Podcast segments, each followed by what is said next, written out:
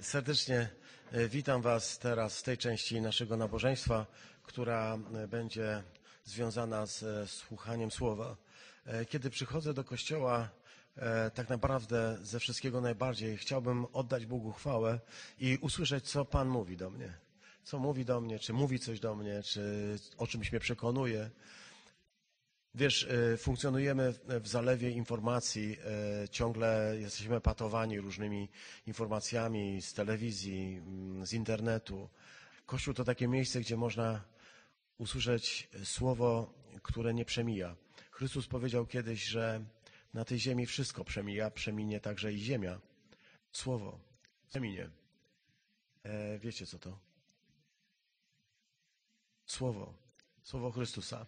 To jest wartość, która nie przeminie. Dzisiaj ku tej wartości się chciałbym z Wami razem e, skierować. Zapraszam do rozmyślania, e, któremu tytuł zadałem e, Między wilki. Z taką oto ilustracją. E, Między wilki.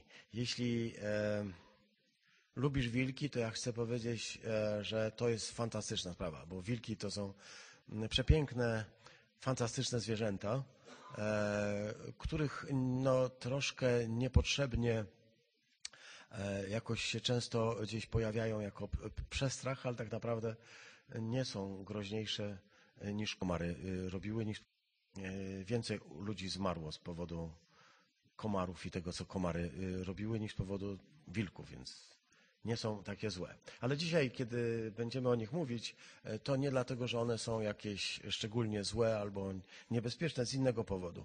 Pozwólcie, że przeczytam tekst, który przed nami.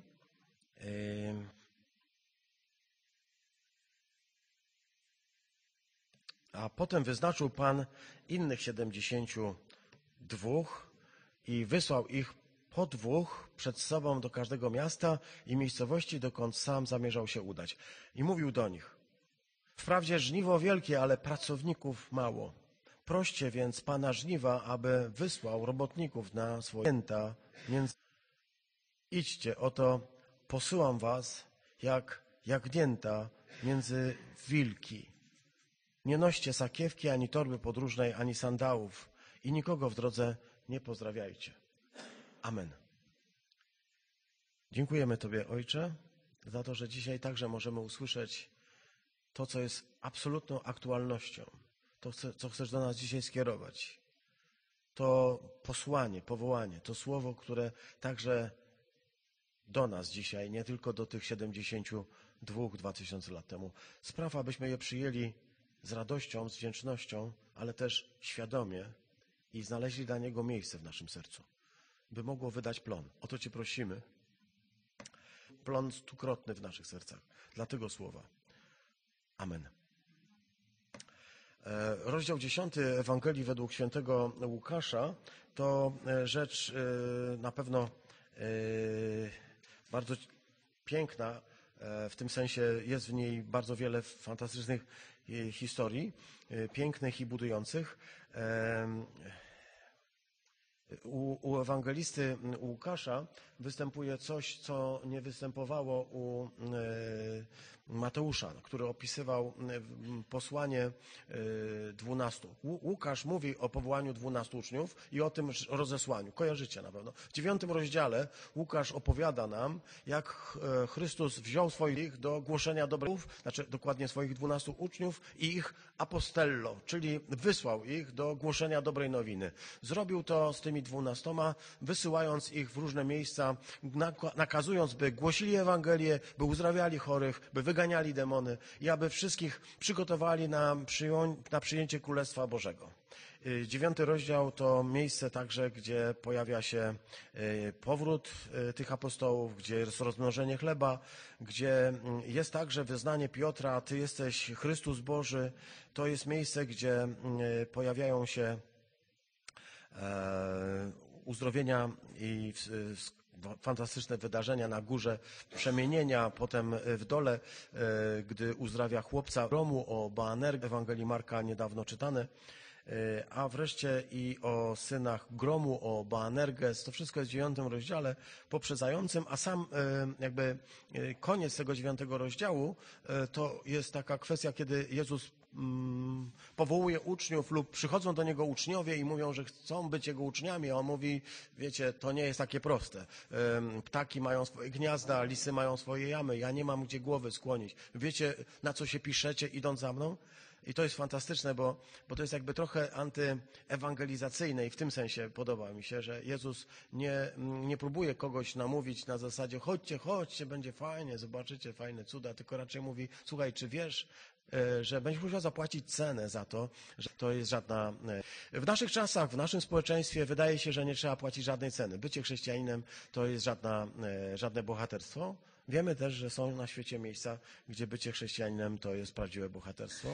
I nie daj, Panie Boże, żebyśmy musieli tego doświadczyć, ale jeśli tak będzie, to myślę, że wtedy okaże się też i to, na ile to chrześcijaństwo w nas jest.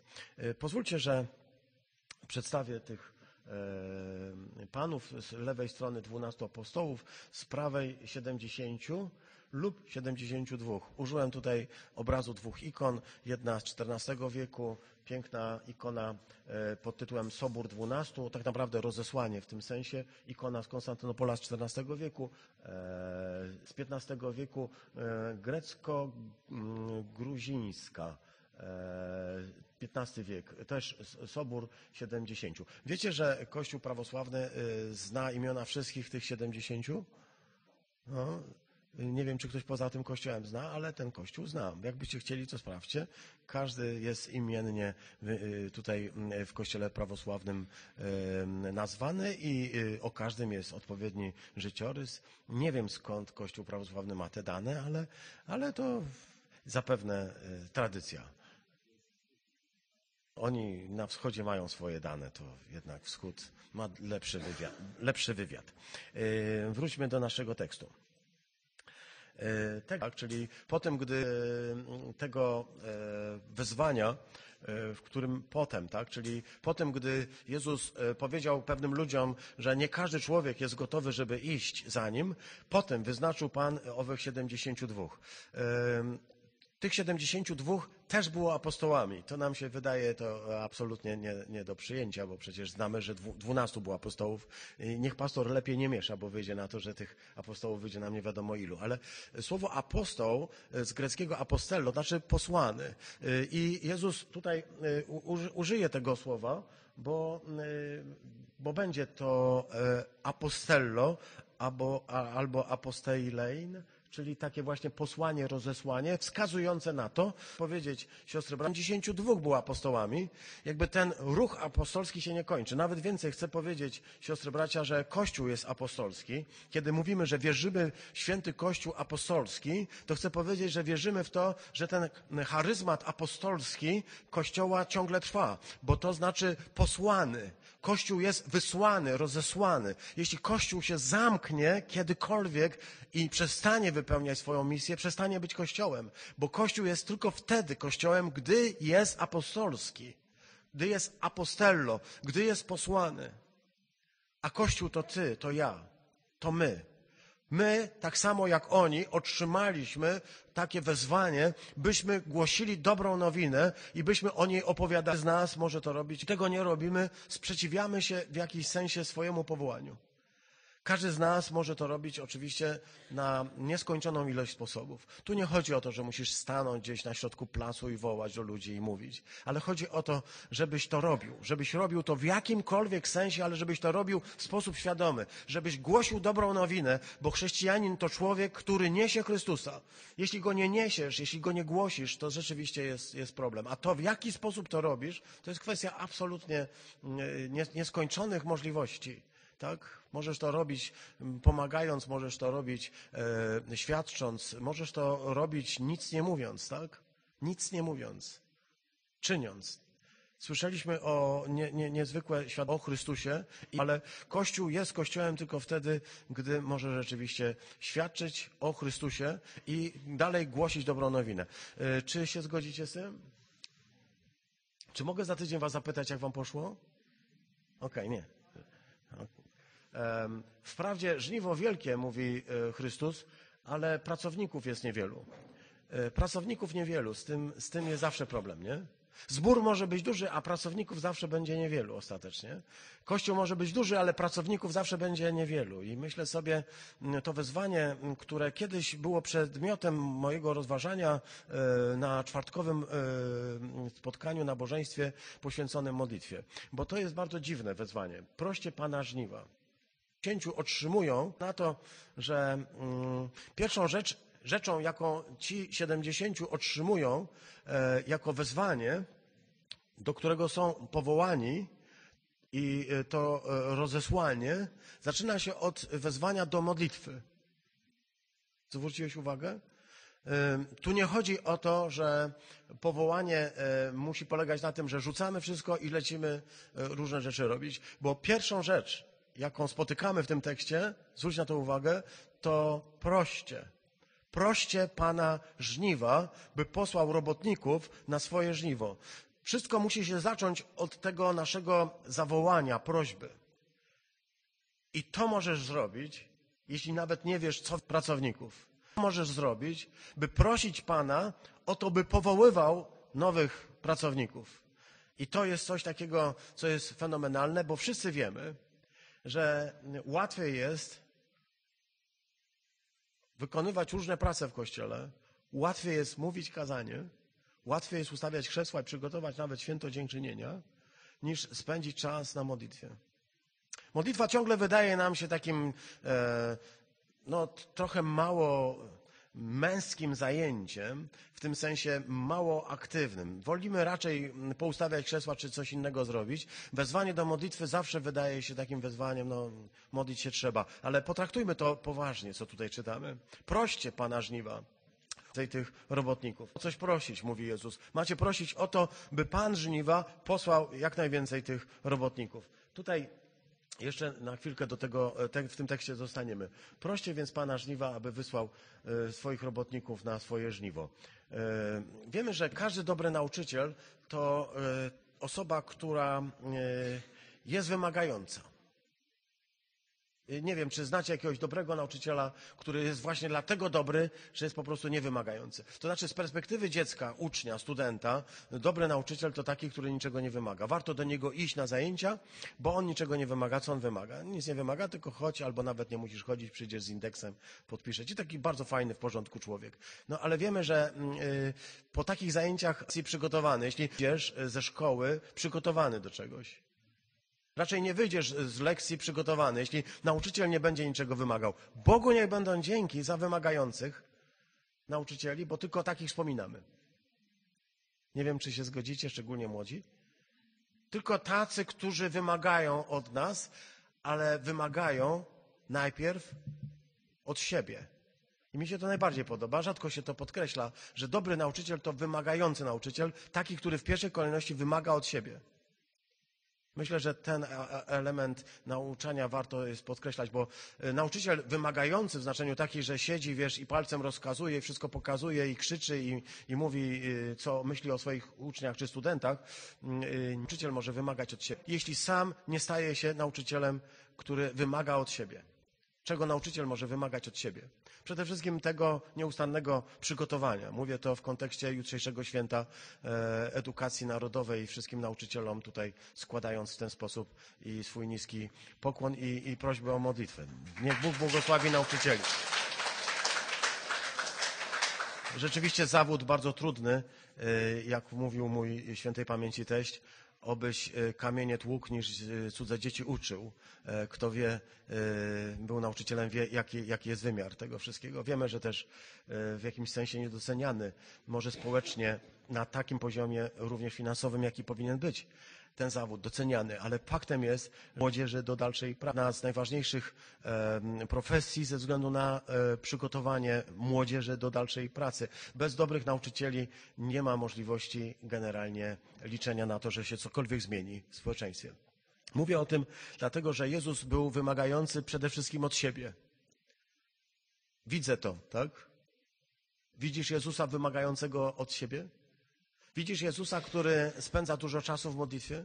Kiedy On mówi, żeby się modlić, kiedy On mówi, żeby pościć, żeby On mówi, kiedy prosić, kiedy On mówi o czymkolwiek do swoich uczniów, to On najpierw to e, robi w swoim życiu. Ja to widzę u Niego.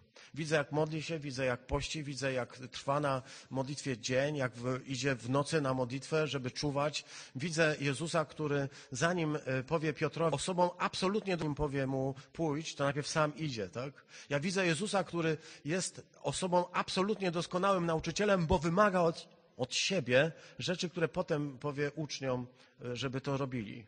Tak? Zanim e, to za- zanim będzie im ich- rozsyłał, najpierw sam będzie głosił, a kiedy ich pośle, będzie słuchał tego, co mówią. I to jest właśnie e, ta historia o 70 czy 72. Może dlaczego 70 czy 72? Dlatego, że mm, Biblia hebrajska miała e, e, kilka razy mowę o 70, e, 70 starszych w Księdze Wyjścia, 70 narodach, które tworzą cały świat. I w pewnym momencie wprowadziła Biblia heleńska, która była tłumaczeniem Biblii hebrajskiej, czyli Septuaginta, wprowadziła z jakiegoś innego powodu, może mniej znanego, 72 starszych. Może dlatego, że było 70 plus Mojżesz z Aaronem, więc 72. Jakaś tajemnica spowodowała, że mm, niektóre kodeksy zachowały 70, inne 72 i ten problem przeszedł na Nowy Testament. 70 lub 72 uczniów, bo jedni, mm, jeden kodeks ma taki zapis, drugi taki. Jeśli e, pozwolicie, gdy przyglądam się temu e, wymaganiu, to tam czytamy tak. Jezus mówi, posyłam was, was byście poszli, e, przygotować mi miejsce, powiedzieć, e, on wymaga o czasie Królestwo Boże i ja, ja wchodzę dalej. Tak? Czyli mm, on wymaga od siebie, wymaga od nich i sprawdza ich. Ja chcę powiedzieć, nauczyciel, który e, z jednej strony wymaga, a z drugiej strony pomaga. To ja bym to tak połączył, tak? Wymaga i pomaga. Jezus jest właśnie takim nauczycielem, który wymaga i dlatego jest dla nas cenny, ale też dlatego, że pomaga. To nie jest typ nauczyciela, który siedzi na, na katedrze i palcem pokazuje i krzyczy na, na uczniów, ale to jest ktoś, kto wymaga od nas, ale jednocześnie ktoś, kto jest w każdej chwili e, zdolny nam przyjść z pomocą. I to cenimy u nauczycieli najbardziej że przychodzą nam z pomocą, gdy jesteśmy, jakby gdy czegoś nie rozumiemy. Nie wyzywają, nie gadają, jacy jesteśmy nie do y, przyjęci czas i wytłumaczą. Tych nauczycieli ceniliśmy najbardziej. Takich właśnie, którzy byli nam gotowi poświęcić czas i wytłumaczyć to, czego nie rozumiemy. I to jest y, coś takiego, co możemy odkryć. A więc dobry nauczyciel. Ten, który wymaga, ale też ten, który mm, pomaga. Ym, Powiedziałem, że jednym z takich największych zdziwień to to, że jest tyle pracy i tyle żniwa, a tyle mm, tak mało pracowników, a jednocześnie e, tracenie czasu na modlitwę. To jest bardzo dziwna rzecz. W ogóle nie wiem, jakbyś się na chwilkę zastanowił nad tym, to też byś się pewnie zdziwił. E, Jest żniwo, jest Bóg. Bóg widzi, że tych pracowników jest mało. Bóg jest w stanie tych pracowników, zamiast tego do pracy na polu, na roli, a zamiast tego Chrystus mówi, proście Pana, by wysłał. Proście tak, jakby On nie wiedział, ale wie, na pewno wie, że tych pracowników jest za mało. Więc dlaczego mamy prosić, skoro On wie? To jest ciągle ten dylemat. Rozumiesz zdziwienie? Przecież On wie, że pracowników jest za mało. Czemu On mówi, proście Pana, żeby, żeby posłał pracowników? Masz jakąś odpowiedź na to pewnie?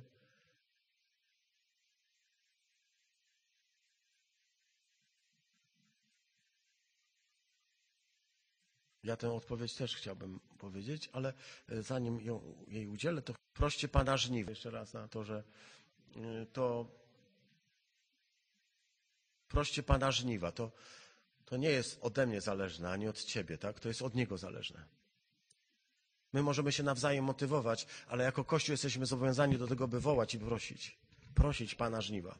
Prosić Pana żniwa o y, y, pracowników na Jego żniwo. Nie moje, nie Twoje, tak? Ja się cieszę, ilekroć możemy powiedzieć nasz zbór, ten Kościół, nasz Kościół, ta wspólnota, nasza wspólnota, to jest fantastyczne. Ale musimy ciągle pamiętać, że to jest Jego Kościół, jest to Jego wspólnota, że to On tu jest pasterzem i że to On jest głową tego Kościoła i że to są Jego sprawy i że to On dał gwarancję, że ten Kościół będzie trwał. To jest Jego Kościół, y, lata i że bramy piekielne, bramy Hadesu go nie przemogą. Bo to jest Jego Kościół, Jego sprawa. Jeśli będziemy o tym pamiętać, to nie będziemy pełni niepokoju o losy.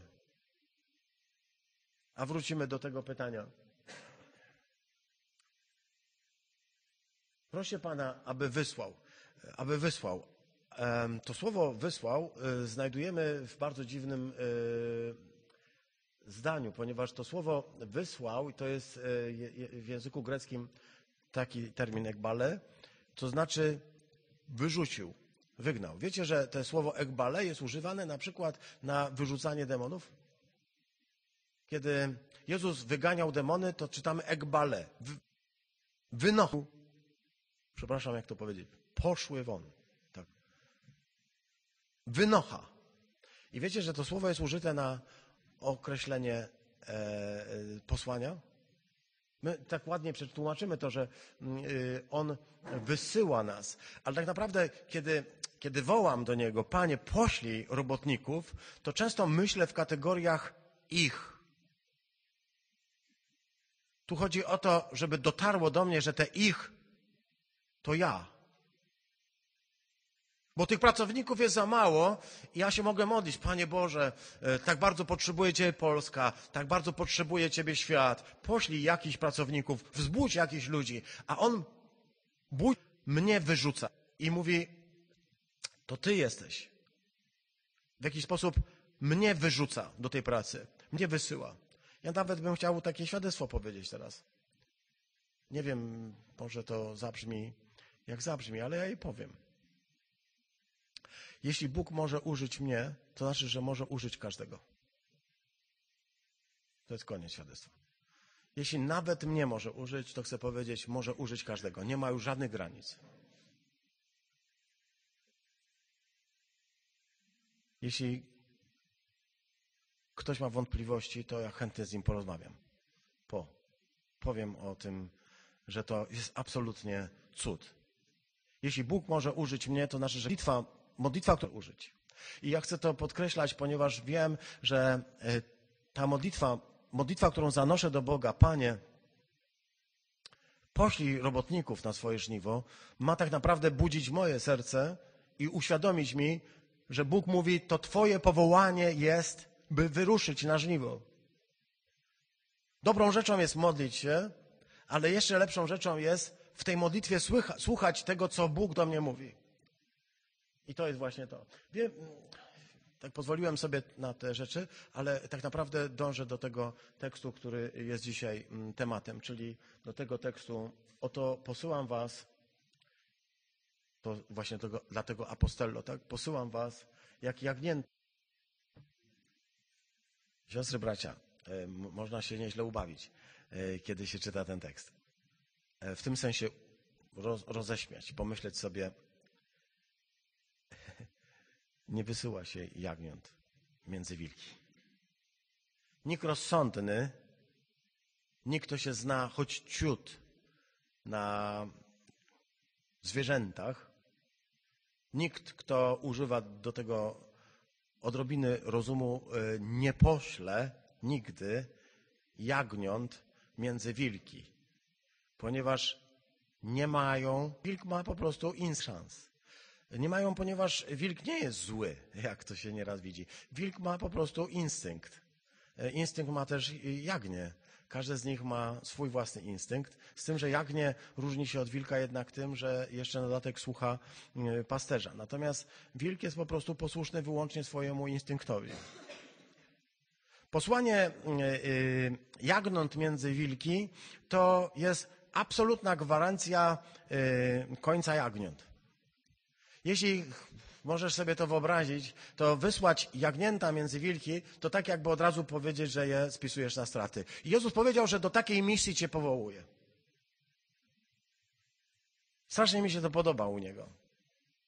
Będzie super, będzie fajnie. Ze mną, będziecie mieli wszystko, co potrzebujecie, będzie absolutnie fenomenalnie, będzie super, będzie fajnie.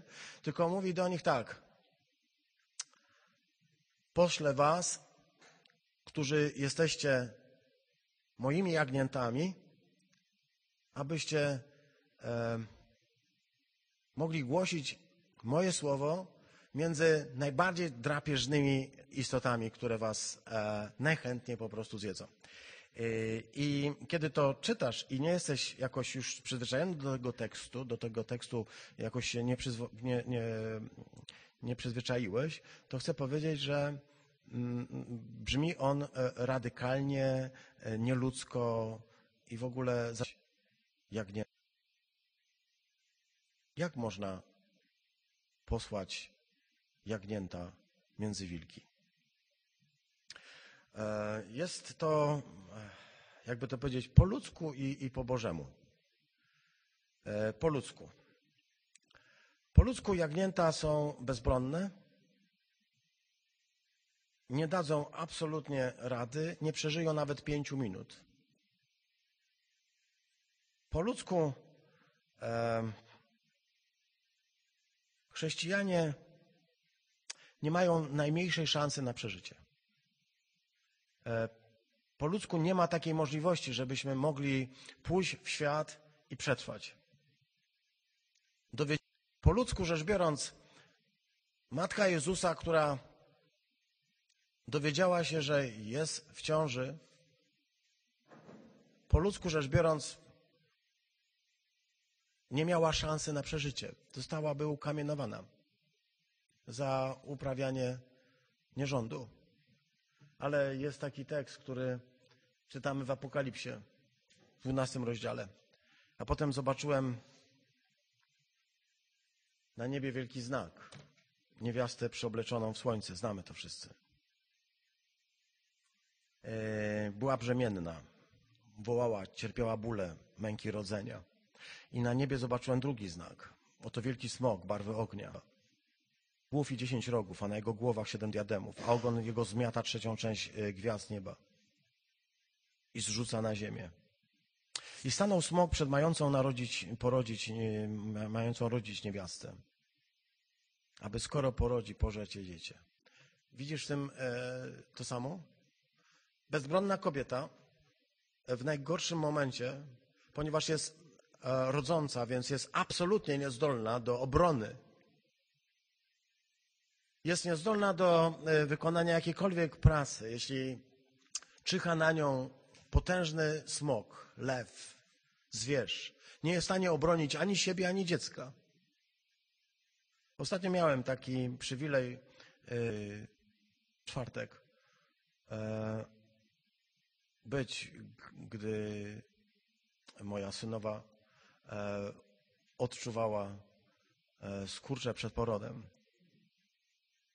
E, Muszę powiedzieć, że to jest coś takiego dramatycznego. Bardziej bezbronnej istoty nie ma na świecie. Mocno zwinięta z bólu, prawda? Jest bezbronna zupełnie. Jej mąż wspierał mocno. E, Ja gdzieś tam w oddali mogłem wołać, ale po prostu jest bezbronna. Chcę, chcę to powiedzieć, dlatego że jeśli smok będzie czyhał na, takie, e, na taką e, kobietę, na jej dziecko, w stanie mu przeszkodzić, pochłonąć.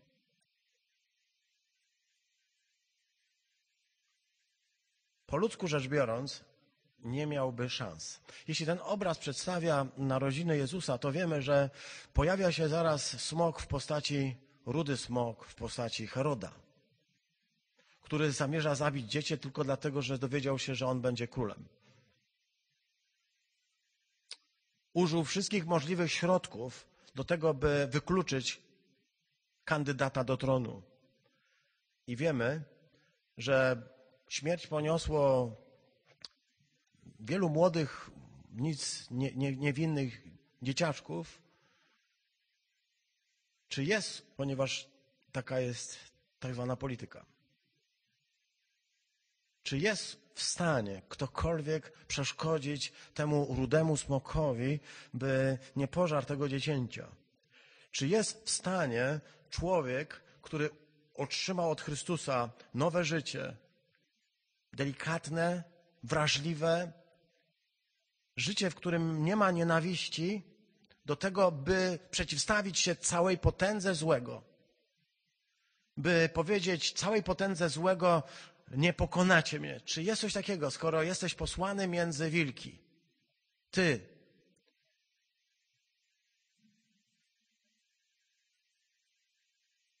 syn Bożego Baranka.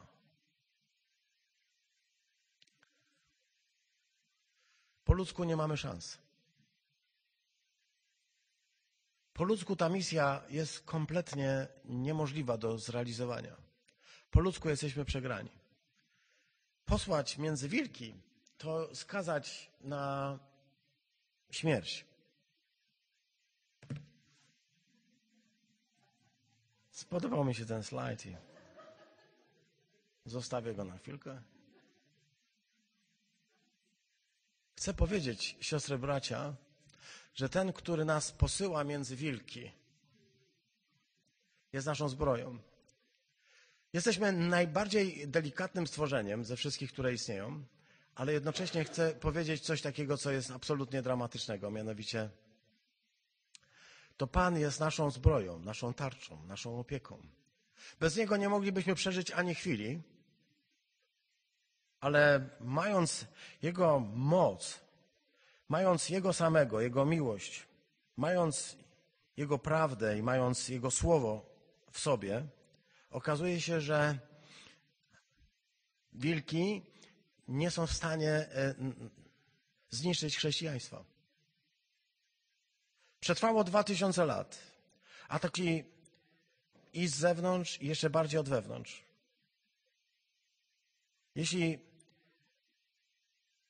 mogą wygrać, jeśli możemy zwyciężyć, to tylko z jednego powodu. Tylko dlatego, że zaufamy. Jesteśmy siostry i bracia bezbronni wobec zła. Jesteśmy bezbronni. Bóg nas nie powołał do tego, żeby stado owiec wpadło i zagryzło wilki. Bóg nas nie powołał do tego, żebyśmy nauczyli się samoobrony i zniszczyli wszystkie stada wilków. Bóg nas powołał do tego, żebyśmy jako wilki poszli, jako owce poszli między wilki, by one stały się owcami, że mamy być dumni. I On nie chce, żebyśmy zrobili e, coś takiego, że, że mamy być dumni z tego, że że owce zagryzły e, wszystkie wilki i teraz panowanie owiec. On nie taką Ewangelię nam zostawił. On zostawił nam bardzo prosty przekaz. Zaufajcie mi. Jesteście bezbronni. Nie chcę, żebyście używali siły. Nie chcę, żebyście e, używali zła. Nie chcę, żebyście kąsali, żebyście gryźli, żebyście kopali. Chcę, żebyście byli posłani między te e, stworzenia, które czyhają na was. A ja chcę wam powiedzieć, że będę z wami i sprawię, że będziecie mogli zobaczyć cud za cudem. Będziemy mogli oglądać, a bieżne wilki staną się waszymi siostrami i braćmi. Będziemy mogli oglądać sytuacje, w których Bóg przemienia najbardziej drapieżnych ludzi w najbardziej łagodnych. Będziemy mogli zobaczyć, jak Bóg zmienia ludzkie charaktery. Jak twardzi faceci, którzy mają e, e, różne doświadczenia w swoim życiu, będą złamani przez świadectwo baranka w Twoim i moim życiu i będą płakać jak dzieci. Będziesz mógł to zobaczyć, ale tylko wtedy, gdy się odważysz pójść, gdy się odważysz stanąć między nimi gdy się odważysz złożyć świadectwo, kim jest Jezus Chrystus. Jezus jest Panem. Ja wiem, że będzie tak, że każdy na dzień dobry od razu pokłoni się i powie Jezus Chrystus jest Panem. Ja chcę powiedzieć tylko, że brzmi to właśnie w taki sposób, paradoksalny, że to owce, jagnięta zwyciężą. To jest poselstwo Ewangelii. Tak brzmi dobra nowina. Jezus Chrystus, baranek Boży, jest tym, który zwyciężył świat Tym, który pokonał tego rudego smoka.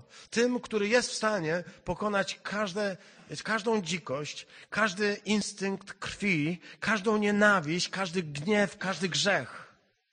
On to wziął na siebie. I teraz posyła nas. Dlaczego tak robi? Świat ojciec go posłał.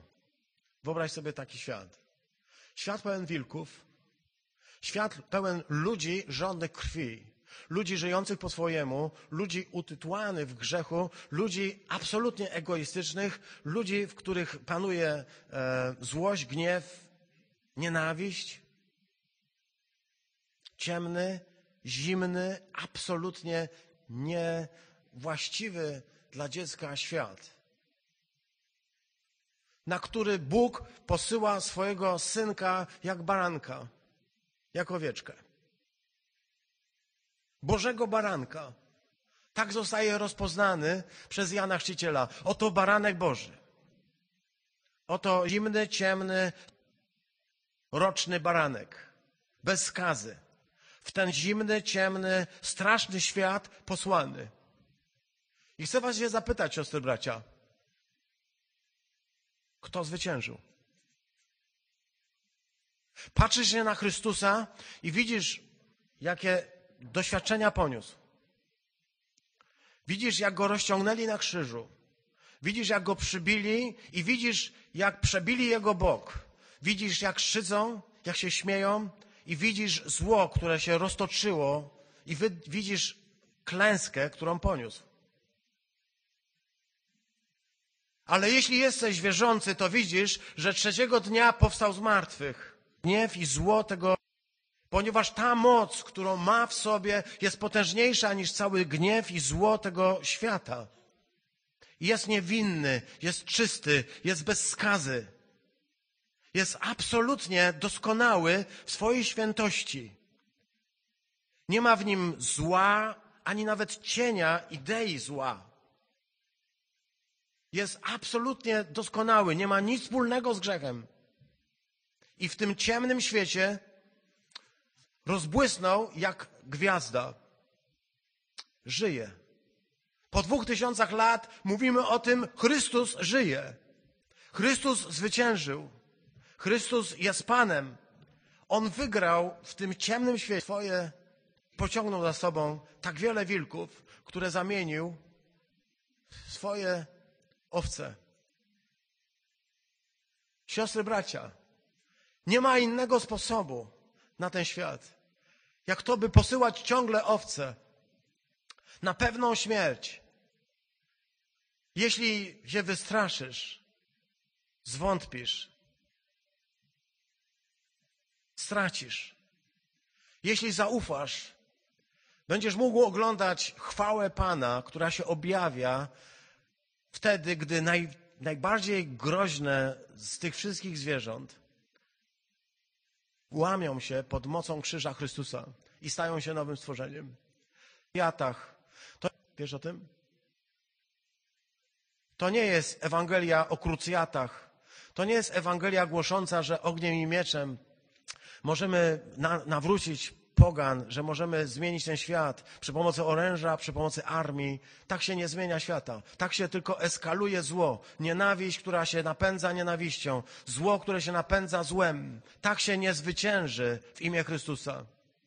Zwycięży się tylko wtedy, gdy człowiek własne życie rzuci między wilki, bo ufa Chrystusowi, że takie właśnie jest moje powołanie, abym stanął w pośrodku wszystkich i mógł powiedzieć, że Chrystus jest Panem. Toczy się wojna. W tej wojnie nie jesteś ofiarą. Jesteś zwycięzcą. Ale nie zwyciężysz w oparciu o własną moc, o własne pomysły. Chcę się zapytać, czy jakiekolwiek jagnie wysłane na konfrontację z wilkami ma szansę przetrwać?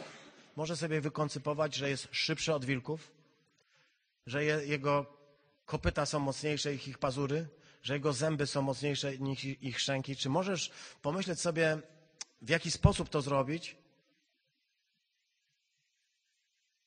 Co ci pozostaje?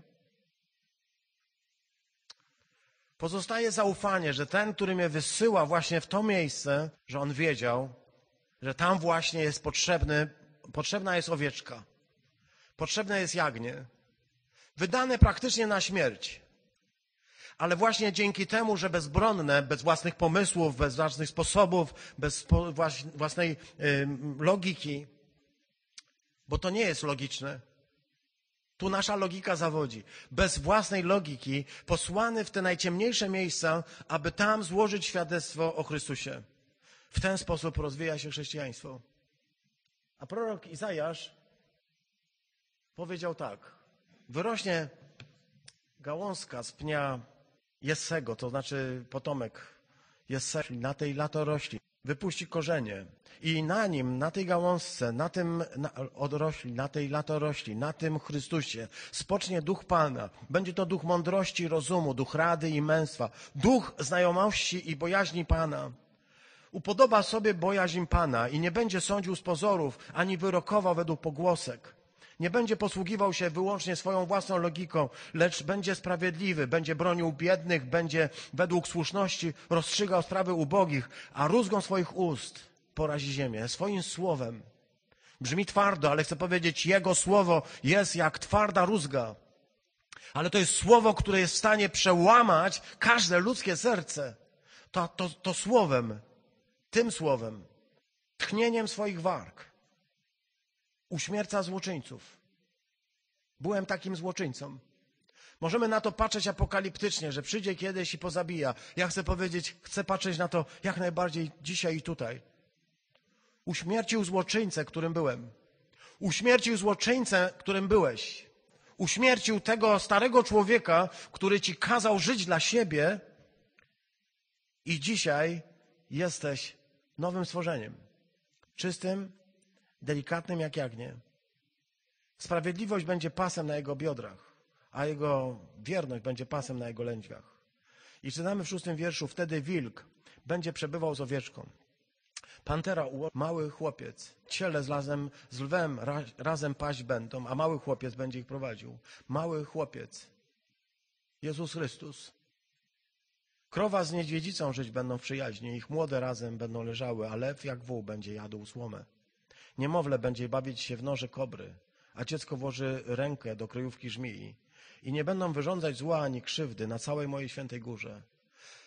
Gdybyśmy czytali dalej ten tekst, to Izajasz mówi dokładnie w następnym wierszu, w dziesiątym wierszu mówi, ponieważ cała ziemia wypełni się poznaniem. Dzisiaj było o tym mowa. Jak kropla wody w oceanie. Ty i ja. Cała ziemia wypełni się poznaniem. Wierzysz w to?